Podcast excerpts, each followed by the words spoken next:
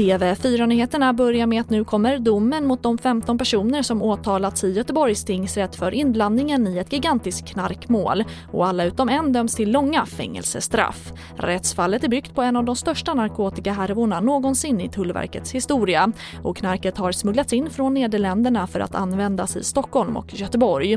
Och enligt åtalet har narkotika för över 100 miljoner kronor smugglats in i Sverige. Och mer om det här kan du se på TV4 Play. Och sen till Norge där Oslos akutmottagning vill förbjuda elsparkcyklar nattetid. Och det för att ett ökat antal skador relaterade till elsparkcyklar rapporterats. I juli 2019 noterades 155 olyckor och samma månad i år är siffran 194 olyckor kopplade till elsparkcyklar.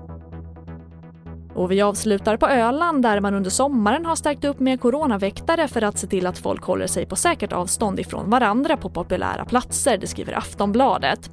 Och framförallt har väktarna patrullerat i centrala Borgholm men även bland solande semesterfirare på badplatser. Och nu meddelar Borgholms kommun att man förlänger med ytterligare en vecka eftersom att det är fortsatt många besökare på ön. Och det får avsluta TV4-nyheterna. Jag heter Charlotte Hemgren.